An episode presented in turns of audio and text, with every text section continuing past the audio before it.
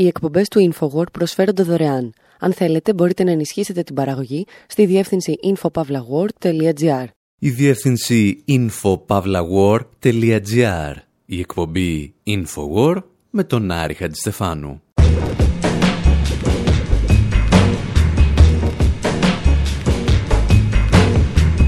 Όπου σήμερα κάνουμε επίσκεψη σε έναν κρατούμενο στο σπίτι του. Συναντάμε τον άνθρωπο που τα μέσα ενημέρωσης βάφτισαν ληστή με τα μαύρα. Αλλά το μόνο μαύρο που βρίσκουμε πάνω του είναι μια γάτα. Η Μερούλα. Αναρωτιόμαστε εάν όσα ζει τα τελευταία χρόνια ο Γρηγόρης Τσιρόνης είναι μια εικόνα από το μέλλον μας ή από το παρελθόν του Αποστόλου Παύλου και του Γαλιλαίου ανακαλύπτουμε μία μπίζνα δισεκατομμυρίων δολαρίων, αλλά συνειδητοποιούμε ότι την έχει ήδη καπαρώσει η τρίτη μεγαλύτερη εταιρεία ασφαλείας του πλανήτη. Σκεφτόμαστε πόσο κερδοφόρο είναι να χρεώνεις ηλεκτρονικά βραχιολάκια ακόμη και για τους νεκρούς.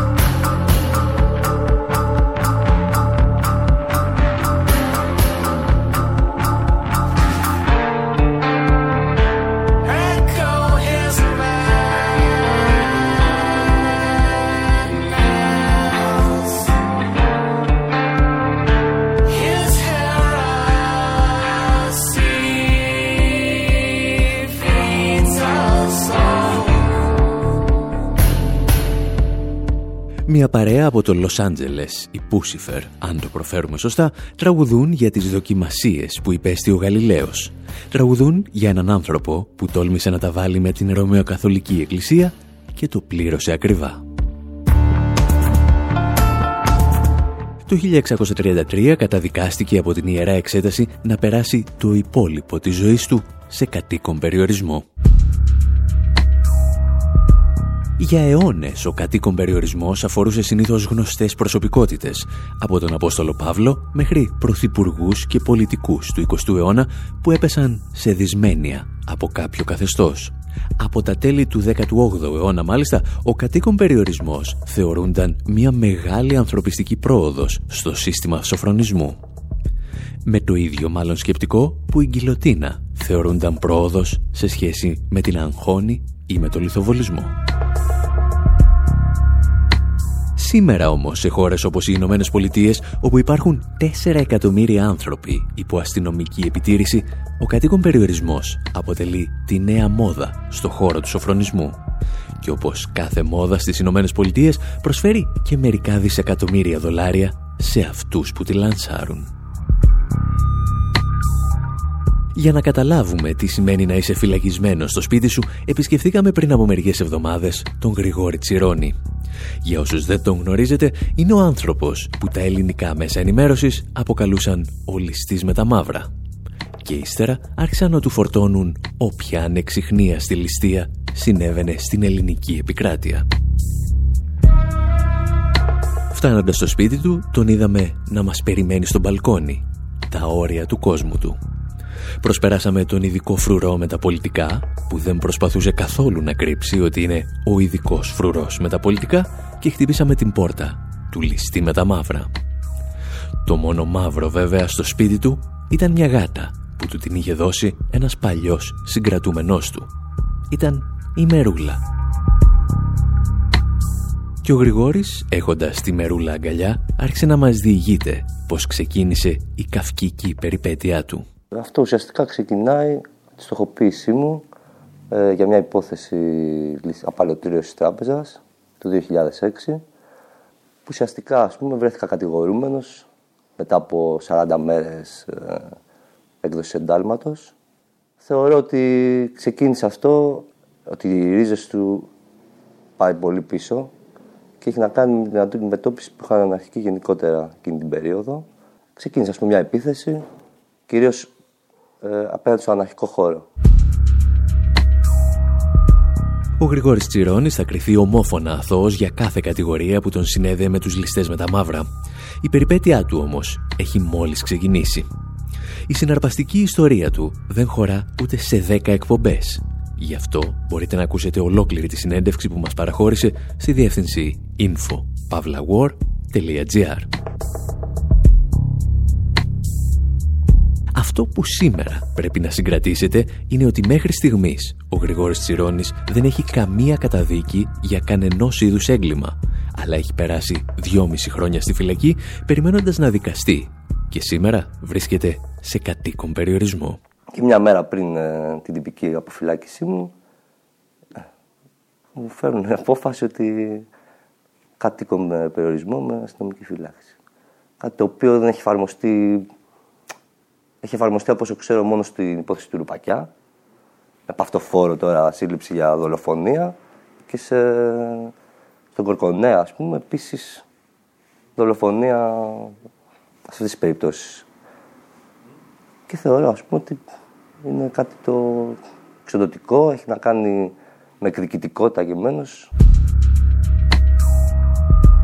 Για τους περισσότερους ανθρώπους οι λέξεις κατοίκον, περιορισμός ισοδυναμούν με ευνοϊκή μεταχείριση ενός κρατουμένου. Όταν όμως ένα τέτοιο μέτρο γενικεύεται, δεν είναι ο φυλακισμένος που κερδίζει λίγη ελευθερία, είναι η φυλακή που επεκτείνεται σε ολόκληρη την κοινωνία. Θα τα συζητήσουμε σε λιγάκι, ύστερα από αυτό.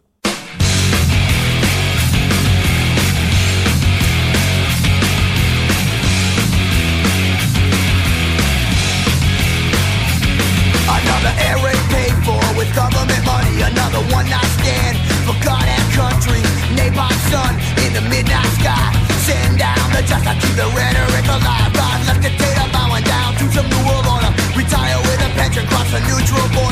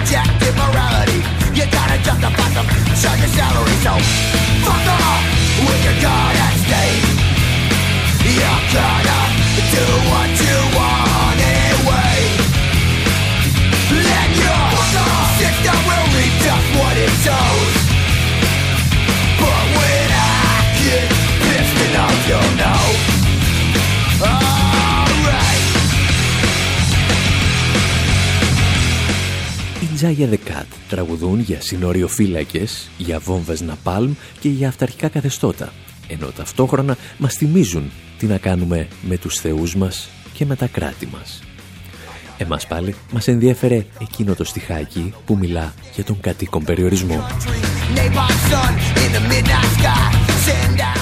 Βρισκόμαστε, αν θυμάστε, στο διαμέρισμα του Γρηγόρη Τσιρόνη στην Αθήνα, με έναν ειδικό φρουρό στην είσοδο και μια μαύρη γάτα στον καναπέ.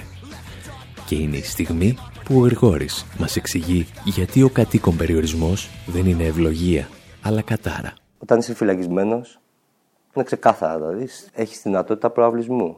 Έχεις δυνατότητα ε, να σπουδάσεις. Τα έξοδά σου, ας πούμε, τα επιβαρύνει το κράτος. Ενώ αυτή τη στιγμή είμαι φυλακισμένος στο σπίτι μου, όμοιροι και όλη η οικογένειά μου, ας πούμε, εντάξει. Υπάρχει μια πίνα, φανταστείς η μητέρα μου κάθεται και στον καναπέ, ας πούμε, για να υπάρχει ένας χώρος. Δεν μου δίνουν τη δυνατότητα να εργαστώ, γιατί σίγουρα έχω έξοδα τα οποία δεν ρώτησε κανείς αν η μητέρα μου είναι σε θέση να επιβαρυνθεί και αυτά. Δεν έχω προάβλιο. Αυτή τη στιγμή πες έχω την ταράτση, τον μπαλκόνι. Πού ξέραν αυτοί, ας πούμε, ότι δεν έμενα σε, μια, σε ένα υπόγειο, ας πούμε, στην Κυψέλη. Ουσιαστικά χειρότερο και από απομόνωση. Δεν προσμετράτε στην ποινή. Στη φυλακή κάθεσαι, λες αφαιρείται από την ποινή. Ενώ αυτό είναι ένας νεκρός χρόνος ουσιαστικά. Ο νεκρός χρόνος, έλεγε παλιότερα ο Μάνος Χατζηδάκης, είναι χειρότερος και από το θάνατο.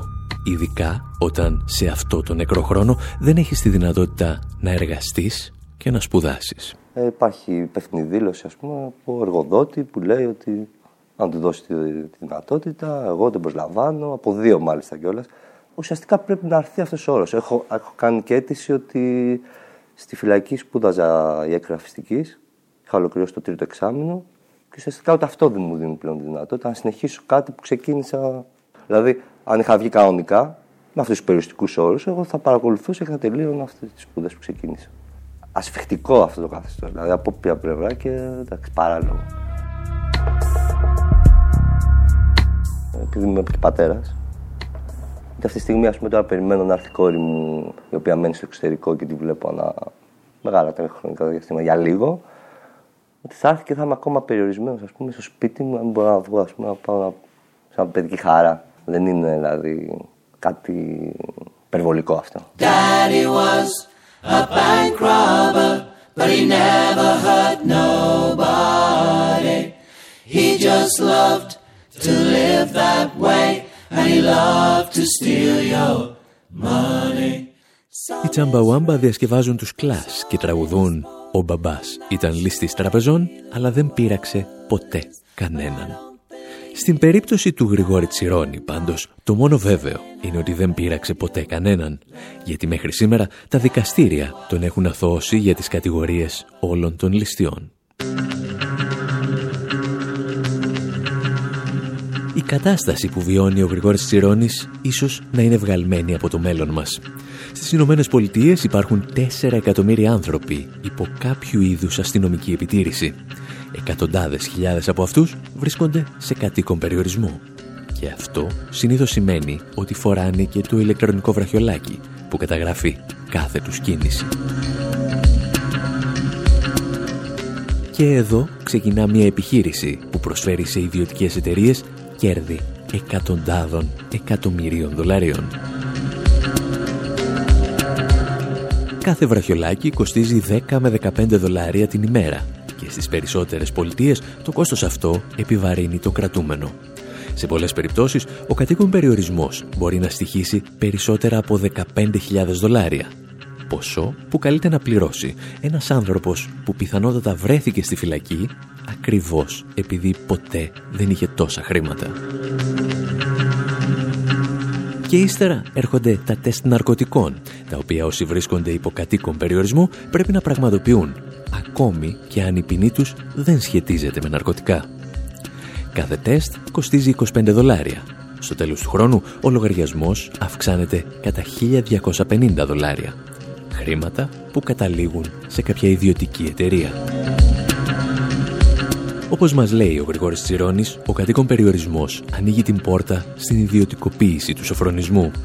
Γιατί όταν ξεπουλάς ένα λιμάνι, τι θα σε σταματήσει από το να ιδιωτικοποιήσεις και την κράτηση ενός ανθρώπου; Ξεπουλούνται λιμάνια, δημόσιες υπηρεσίες. Ε, πιστεύω ότι και οι κρατούμενοι, επειδή αποτελούν ένα μεγάλο κομμάτι ας πούμε, της κοινωνίας, ότι και από αυτούς πούμε, ήρθε η ώρα να βγάλουν ξύγκι, να το πω. Ότι σου προσφέρουν ανάσα ελευθερία εισαγωγικά, αλλά ουσιαστικά έχουν έσοδα και πάβουν να επιβαρύνονται με έξοδα που είχαν όταν ήσουν κρατούμενος. Αλλά στο πρασάρουν ως ανθρωπιστικό μέτρο. Ότι εμείς σου δίνουμε τη δυνατότητα να βγεις νωρίτερα, από καλύτερες συνθήκες, αλλά πληρώνεις από την τσέπη σου, χωρίς να σου εξασφαλίζουν ότι κιόλας μπορεί να σου βγουν και κάποια δουλειά, έτσι. Δηλαδή θα βγεις και ουσιαστικά σκλάβος για να πληρώνεις για την ελευθερία σου και μάλιστα όχι στο ελληνικό κράτος που αυτά θα πάνε κάπου για το κοινό καλό, σε μια ιδιωτική εταιρεία παγκόσμια. Ο Γρηγόρης Τσιρόνης δεν είναι σήμερα υποχρεωμένος να φορά το ηλεκτρονικό βραχιολάκι γιατί φρουρείται από ένοπλους αστυνομικούς. Η κατάστασή του όμως δεν διαφέρει από αυτό που βιώνουν πλέον χιλιάδες άνθρωποι σε χώρες όπως οι Ηνωμένες Πολιτείες και η Βρετανία. Τα όρια της ελευθερίας και του εγκλισμού θολώνουν επικίνδυνα. Η προστασία που προσέφερε κάποτε η κατοικία χάνεται, καθώς η αστυνομία μπορεί να πραγματοποιεί ελέγχους ανα πάσα στιγμή χωρίς νέο ένταλμα. Μαζί με αυτή την προστασία χάνονται συνήθως και τα πολιτικά δικαιώματα. Στις Ηνωμένες Πολιτείες, εκατοντάδες χιλιάδες μαύροι και ισπανόφωνοι, τα πιο περιθωριοποιημένα δηλαδή τμήματα της κοινωνίας, δεν έχουν πλέον το δικαίωμα να ψηφίσουν. Και αν όλα αυτά σας θυμίζουν ελαφρώς το 1984 του Orwell, καλά κάνουν και σας το θυμίζουν. Γιατί ο κατοίκον περιορισμός συνδέεται άμεσα με αυτή τη χρονολογία. Ιστορίες για να έχουμε να λέμε στο δεύτερο μέρος της εκπομπής. Εσείς να θυμάστε απλώς ότι μπορείτε να ακούσετε ολόκληρη τη συνέντευξη που μας παραχώρησε ο Γρηγόρης Τσιρόνης στη διεύθυνση info.pavlawar.gr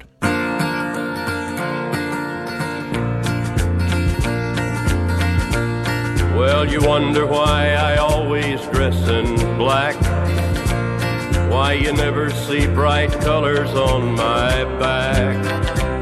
And why does my appearance seem to have a somber tone? Well, there's a reason for the things that I have on. I wear the black for the poor and the beaten down. Living in the hopeless, hungry side of town. I wear it for the prisoner who has long paid for his crime, but is there because he's a victim of the time. I wear the black for those who've never read or listened to the words that Jesus said about the road to happiness through love and charity. Why you think he's talking straight to you and me? Well, we're mighty fine, I do suppose. In our streak of lightning cars and fancy clothes. But just so we're reminded of the ones who are held back, up front there ought to be a man in black. I wear it for the sick and lonely old. For the reckless ones whose bad trip left them cold I wear black in mourning for the lives that could have been. Each week we lose a hundred fine young men. And I wear it for the thousands who have died, believing that the Lord was on their side. I wear it for another hundred thousand who have died, believing that we all were on their side never will be right, I know. And things need changing everywhere you go. But till we start to make a move to make a few things right, you'll never see me wear a suit of white. Oh, I'd love to wear a rainbow every day and tell the world that everything's okay.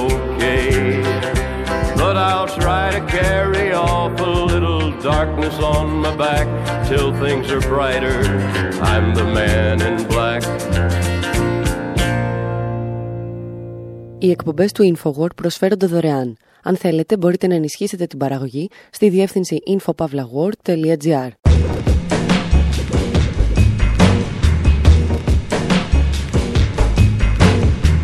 Εκπομπή InfoWord, μέρος δεύτερο όπου ξεκινήσαμε να συναντήσουμε έναν ληστή με τα μαύρα, ο οποίος δεν καταδικάστηκε ποτέ για καμία ληστεία, αλλά παραμένει έγκλειστος μέσα στο σπίτι του. Γνωρίσαμε τον Γρηγόρη Τσιρόνη, ο οποίος έχει περάσει δυόμιση χρόνια στη φυλακή και σήμερα βρίσκεται σε κατοίκον περιορισμό. Και από αυτή τη συνάντηση ξεκινήσαμε ένα μεγάλο ταξίδι στις σύγχρονες μορφές σοφρονισμού σε όλο τον κόσμο. Ιστορίες που μας φέρνουν πίσω στη δεκαετία του 70, όταν ο David Bowie τραγουδούσε για τη δεκαετία του 80.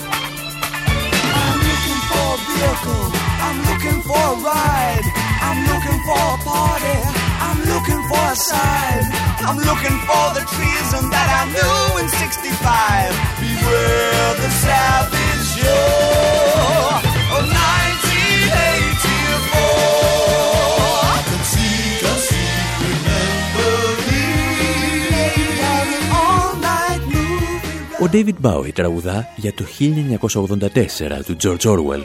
Για την ιστορία είναι ένα από τα πολλά τραγούδια με τα οποία ο Bowie ήθελε να ετοιμάσει ένα musical για το συγκεκριμένο βιβλίο.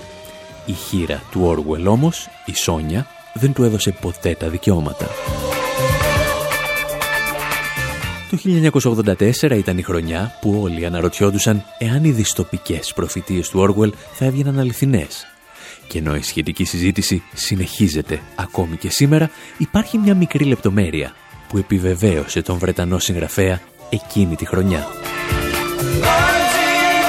Το 1984 χρησιμοποιήθηκαν για πρώτη φορά ηλεκτρονικά βραχιόλια εντοπισμού για την παρακολούθηση πολιτών που βρίσκονταν υπό αστυνομική επιτήρηση. Το κράτος αποκτούσε πλέον το δικαίωμα διαρκούς παρακολούθησης ανθρώπων οι οποίοι δεν ήταν πλέον φυλακισμένοι αλλά σε καμία περίπτωση δεν ήταν ελεύθεροι. Από το εμπόριο των συγκεκριμένων συσκευών θα κερδοφορήσουν ορισμένες ιδιωτικές εταιρείες οι οποίες θα φτάσουν να αποτελούν πυλώνες της παγκόσμιας οικονομίας. Όπως η G4S, η τρίτη σε μέγεθος μεγαλύτερη εταιρεία του πλανήτη, με βάση τον αριθμό των υπαλλήλων της. Αν θυμάστε είχαμε μιλήσει για την G4S την περίοδο των Ολυμπιακών Αγώνων του Λονδίνου. Και πριν συνεχίσουμε πρέπει να θυμηθούμε μερικές σημαντικές λεπτομέρειες για αυτήν. The International Olympic Committee has the honor of announcing the games of the 30th Olympiad in 2012 are awarded to the city of London. Αμέσως μετά την ανακοίνωση από τη Διεθνή Ολυμπιακή Επιτροπή ότι το Λονδίνο θα αναλάμβανε τη διοργάνωση των Ολυμπιακών Αγώνων του 2012, μια εταιρεία έσπευσε να υπογράψει το συμβόλαιο του αιώνα. Ο Βρετανικός κολοσσός G4S ανέλαβε τη φύλαξη των εγκαταστάσεων και την παροχή κάθε είδους υπηρεσιών ασφαλείας. Πρόκειται για την τρίτη μεγαλύτερη εταιρεία του πλανήτη σε αριθμό υπαλλήλων. Μια πολυεθνική η οποία δραστηριοποιείται σε 125 χώρες. Για την ιστορία, η G4S υποστηρίζει συχνά σε ανακοινώσεις της ότι χωρίς αυτήν δεν θα είχε επιτευχθεί η μετάβαση στο κοινό ευρωπαϊκό νόμισμα, αφού ανέλαβε, όπως λέει, υπηρεσίες χρηματαποστολών και άλλων σχετικών υπηρεσιών ασφαλείας. Προσφάτως μάλιστα δηλώνει στο δίκτυο Bloomberg ότι προετοιμάζεται και για το ενδεχόμενο εξόδου της Ελλάδας από την Ευρωζώνη. Σε ό,τι μας αφορά σήμερα όμως η G4S είχε ορισμένα άλλα σημαντικά προβλήματα για τα οποία πολλοί έλεγαν ότι δεν έπρεπε να αναλάβει τη φύλαξη των Ολυμπιακών εγκαταστάσεων τα εξηγούσε πριν από μερικές εβδομάδες το δίκτυο Russia Today. UK politicians are said to be questioned on why a security firm linked to allegations of human rights abuses. Βρετανοί πολιτικοί θέτουν το ερώτημα γιατί μια εταιρεία που κατηγορείται για παραβιάσεις των ανθρωπίνων δικαιωμάτων προσελήφθη για να προσφέρει ασφάλεια στους Ολυμπιακούς Αγώνες. Η G4S λειτουργεί στους εβραϊκούς επικισμούς στην Δυτική Όχθη και την Ανατολική Ιερουσαλήμ, οι οποίοι είναι παράνομοι βάσει του διεθνούς δικαίου. Illegal according to international law. Καλεσμένος στο στούντιο ήταν και ο δημοσιογράφος και ερευνητής Τόνι Γκόσλινγκ, ο οποίος ανέλαβε να δώσει μερικές ακόμη ενδιαφέρουσες πληροφορίες για τη συνεργασία της εταιρείας με το κράτος του Ισραήλ. Even the British Foreign Secretary William Hague uh, is saying that the Israeli settlements are illegal under international law. Ακόμη και ο Βρετανός Υπουργός Εξωτερικών William Hague υποστηρίζει ότι οι Ισραηλινοί επικισμοί είναι παράνομοι βάσει του διεθνούς δικαίου και αποτελούν η μεγαλύτερη απειλή για την ειρήνη στην περιοχή. Η συγκεκριμένη εταιρεία προσφέρει κάθε είδους υπηρεσίες στους Ισραηλινούς συμπεριλαμβανομένου και του ελέγχου των Ισραηλινών φυλακίων. Μια εταιρεία που στηρίζει το apartheid και τον ρατσισμό δεν έχει καμία δουλειά στους Ολυμπιακούς Αγώνες. Θα ήταν καλό να βλέπαμε μερικά ψήγματα ηθική στο Βρετανικό Κοινοβούλιο. Πρέπει να πούν ότι θα τερματίσουν τα συμβόλαια της G4S. Το πρόβλημα όμως είναι ότι πρόκειται για μια γιγαντιαία και πανίσχυρη εταιρεία. Φυσικά δεν είναι η πρώτη φορά που εταιρείες που κατηγορούνται για καταπάτηση ανθρωπίνων δικαιωμάτων σε κάθε γωνιά του πλανήτη αναλαμβάνουν τη φύλαξη των Ολυμπιακών εγκαταστάσεων. Στην περίπτωση της Αθήνας, αν θυμάστε, είχε δραστηριοποιηθεί και η διαβόητη εταιρεία μισθοφόρων Blackwater. Είναι η εταιρεία που κατηγορείται ότι δρά σαν παρακρατικός μηχανισμός του Πενταγώνου, πραγματοποιώντας μεταξύ άλλων δολοφονίες και βασανισμούς κρατουμένων. Η G4S όμως θέλησε να μιμηθεί την Blackwater και με έναν άλλο τρόπο. Πίστεψε ότι έχει έρθει η ώρα για την ιδιωτικοποίηση των Βρετανικών αρχών ασφαλείας τα εξηγούσε και πάλι ο Τόνι Γκόσλινγκ, μιλώντας στο Russia Today. This is basically the privatization of the British police force is being sucked in by G4S. Αυτό που πραγματικά συνέβη ήταν η δυτικοποίηση της Βρετανικής αστυνομίας. Ουσιαστικά η G4S κατάπια την αστυνομία. Άρχισαν να λειτουργούν αστυνομικά τμήματα και να αναλαμβάνουν άλλες υπηρεσίες που άνοιγαν στην αστυνομία. Σε περιοχές όπως το Μπέρνιχαμ ήθελαν να ελέγχουν ακόμη και τα κέντρα κράτησης μέσα στα αστυνομικά τμήματα. Αυτή είναι από μόνη της μια επικίνδυνη ιδέα, αλλά η συγκεκριμένη είναι χειρότερη που θα μπορούσε να επιλέξει για τη συγκεκριμένη δουλειά. Για την G4S οι Ολυμπιακοί Αγώνες θα αποτελούσαν μια γιγαντιαία ρεκλάμα στην προσπάθεια ιδιωτικοποίησης της αστυνομίας. Και ένας από τους βασικούς στόχους αυτής της προσπάθειας είναι και η παράλληλη ιδιωτικοποίηση του σοφρονιστικού συστήματος. Το πρόγραμμα μάλιστα έχει ξεκινήσει ως ένα βαθμό και στη Μεγάλη Βρετανία. What's happened is we've created by privatizing our prisons to people like G4S an incentive, a financial incentive. Με το να ιδιωτικοποιήσουμε τις φυλακές μας, δημιουργούμε ένα κίνητρο για εταιρείες όπως η G4S να φυλακίζουν περισσότερους ανθρώπους. Αυτό που δεν θέλουμε να δούμε στη Βρετανία είναι αυτό που συνέβη στις ΗΠΑ. Εκεί οι φτωχοί και οι άστιγοι οθούνται στην παρανομία για να επιβιώσουν. Και έτσι χιλιάδες άνθρωποι στις ΗΠΑ και σύντομα και στη Βρετανία θα φυλακίζονται για το κέρδος. Γιατί έτσι δημιουργείται ένα κίνητρο να οθήσει τους φτωχούς ανθρώπους στην εγκληματικότητα. Το τι πραγματικά συνέβη στις Ηνωμένες Πολιτείες μετά την ιδιωτικοποίηση τμήματος των φυλακών το περιέγραφε ένας άλλος αναλυτής, ο Σικάν, μιλώντας πριν από χρόνια στο δίκτυο Democracy Now! Private corporations build prisons in a cornfield somewhere. And then they go out looking for people to put in that prison. Υπάρχουν ιδιωτικές επιχειρήσεις που κτίζουν φυλακές σε απομακρυσμένες εκτάσεις και ύστερα αναζητούν ανθρώπους για να γεμίσουν αυτές τις φυλακές ώστε να έχουν κέρδος. Νομίζω σε αυτό το σημείο ξεπερνάμε κάθε όριο ανθρωπισμού. Νομίζω υπάρχουν ομοιότητε με την εξωτερική μας πολιτική, την πολιτική μας στο Abu Ghraib και όλα τα σχετικά. Πρόκειται για κατάφορη παραβίαση των ανθρωπίνων δικαιωμάτων. Και όμως πρόκειται για ενδημικό φαινόμενο. Στη χώρα μας, 120.000 άνθρωποι βρίσκονται στη φυλακή προσφέροντας κέρδη σε εταιρείες. Όπως εύκολα καταλαβαίνει κανείς, μια ιδιωτική φυλακή είναι σαν ένα ξενοδοχείο. Θέλει πελάτες και θα κάνει τα πάντα για να τους βρει. Ίσως να ασκήσει πιέσεις για αυστηρότερη αστυνόμευση, η οποία θα φέρει περισσότερες συλλήψεις και περισσότερους πελάτες. Ή θα ασκήσει πιέσεις για αυστηρότερη τιμωρία του εγκλήματος, που θα κρατήσει τους πελάτες περισσότερο στο ξενοδοχείο της. Στην πραγματικότητα βέβαια οι ιδιωτικές φυλακές δεν προέρχονται απλώς από ιδιωτικοποιήσεις του σοφρονιστικού συστήματος. Είναι το ανώτατο επίπεδο των λεγόμενων κοινοπραξιών δημόσιου και ιδιωτικού τομέα. Μια πρακτική που πέραν όλων των άλλων έχει αποδειχθεί παγκοσμίως ότι επιβαρύνει το δημόσιο μια μισή φορά περισσότερο από ότι δηλαδή αν αναλάμβανε το ίδιο να προσφέρει τις ίδιες υπηρεσίες στους πολίτες του. Στη Βρετανία, οι κοινοπραξίες δημόσιου και ιδιωτικού τομέα θεωρούνται ένας από τους βασικούς λόγους της σταδιακής κατάρρευσης του συστήματος υγείας.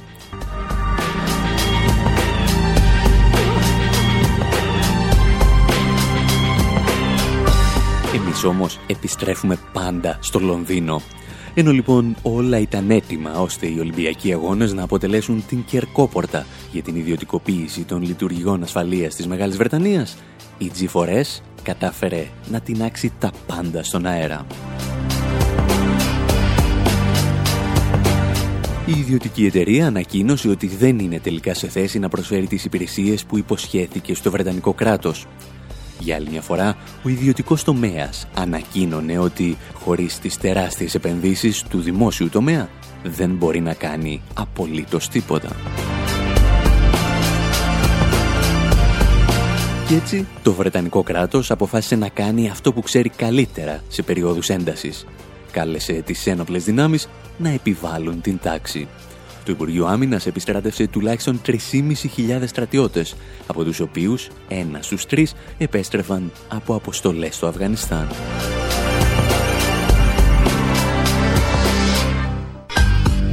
Και κάπου εδώ θα αναρωτηθείτε, έχει τελικά διαφορά αν η χώρα σου θα βρίσκεται υπό τον έλεγχο ιδιωτικών ή δημόσιων στρατευμάτων κατοχής; Η αλήθεια είναι πως όχι.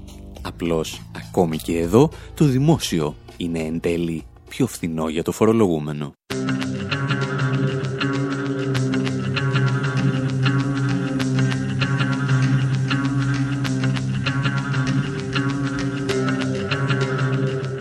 Θεωρητικά το να χάσεις τους Ολυμπιακούς Αγώνες σημαίνει ότι καλό είναι να τα μαζεύεις και να του δίνεις από την αγορά πριν σε πάρουν με τις πέτρες. Και την G4S την πήραν με τις πέτρες τα μέλη του Βρετανικού Κοινοβουλίου όταν ο διευθύνων σύμβουλος της εταιρείας κλήθηκε να καταθέσει ενώπιον τους. Mr. Buckles, it's a humiliating shambles, isn't it? It's not where we'd want to be, that is certain. It's a humiliating shambles for the company, yes or no? Cannot disagree with you. Ενώ όμως οι Βρετανοί βουλευτές εξήγησαν στην G4S ότι είναι η ντροπή της αποτυχίας, η Βρετανική κυβέρνηση σκέφτηκε να της προσφέρει μερικά ακόμη συμβόλαια εκατοντάδων εκατομμυρίων δολαρίων. Μέχρι τη στιγμή που διαπίστωσαν ότι μεταξύ άλλων η εταιρεία κατηγορούνταν και για απάτη κατά του δημοσίου. G4S infamously dropped the baton over security for the London Olympics last year. Η G4S έχασε τη σκητάλη μέσα από τα χέρια της στους Ολυμπιακούς του Λονδίνου. Η εταιρεία μαζί με την Σέρκο κατηγορούνται ότι υποχρέωσαν το δημόσιο για τα ηλεκτρονικά βραχιόλια που έβαζαν σε κλιματίες. Κάποιοι από αυτούς αποδείχθηκε ότι ήταν νεκροί. Οι δύο εταιρείες είχαν εξασφαλίσει κρατικά συμβόλαια εκατοντάδων εκατομμυρίων λιρών. Πρόσφατη έρευνα όμως απέδειξε ότι χρέωναν το κράτος για κρατούμενους που είχαν επιστρέψει φυλακή, που είχαν εγκαταλείψει τη χώρα ή που δεν είχαν φορέσει ποτέ ηλεκτρονικό βραχιόλι. Or had never been tagged in the first place. Μια εταιρεία δηλαδή που στηρίζει το Ισραηλινό Apartheid που κερδοφορούσε από το κολαστήριο του Γκουαντάναμο και η οποία κατηγορείται για απάτη στη Μεγάλη Βρετανία ανέλαβε να τροφοδοτήσει και την Ελλάδα με ηλεκτρονικά βραχιολάκια. Τι μπορεί να πάει στραβά;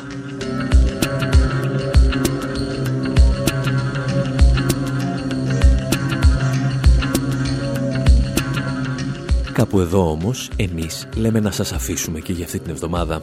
Να θυμάστε ότι ολόκληρη συνέντευξη που μας παραχώρησε ο Γρηγόρης Τσιρόνης από τη φυλακή του σπιτιού του βρίσκεται στο site μας, στη διεύθυνση info.pavlawar.gr Μέχρι την επόμενη εβδομάδα, από τον Άρη Στεφάνου στο μικρόφωνο και τον Δημήτρη Σαθόπουλο στην τεχνική επιμέλεια, γεια σας και χαρά σας. It all began when they took me from my home and put me on death row. A crime for which I'm totally innocent, you know. I began to warm and chill to objects and their fields. A ragged cup, a twisted mop, the face of Jesus in my soup.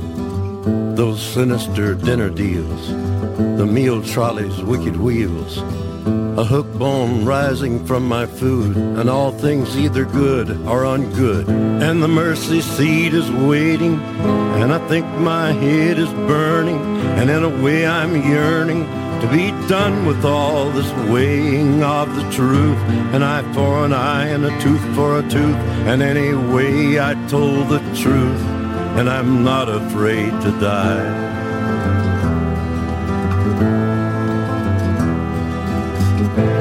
I hear stories from the chamber. Christ was born into a manger, and like some ragged stranger, he died upon the cross. Might I say it seems so fitting in its way he was a carpenter by trade, or at least that's what I'm told.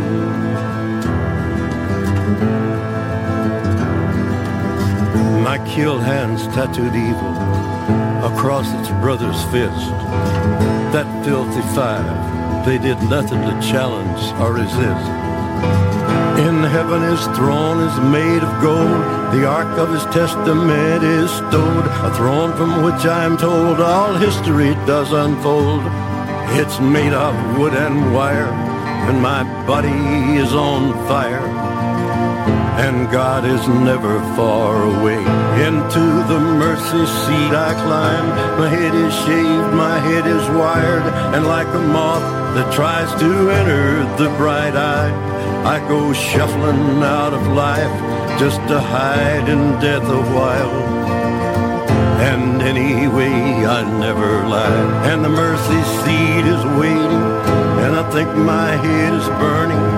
And in a way I'm be done with all this weighing of the truth. An eye for an eye and a tooth for a tooth. And anyway I told the truth. And I'm not afraid to die. And the mercy seat is burning. And I think my head is glowing. And in a way I'm hoping to be done with all this twisting of the truth. An eye for an eye and a tooth for a tooth. And anyway there was no proof, and I'm not afraid to die. And the mercy seat is glowing, and I think my head is smoking. And in a way, I'm hoping to be done with all these looks of disbelief. A life for a life, and a truth for a truth, and I've got nothing left to lose and I'm not afraid to die. And the mercy seat is smoking, and I think my head is melting, and in a way that's helping to be done with all this twisting of the truth. An eye for an eye and a tooth for a tooth, and anyway I told the truth, but I'm afraid I told a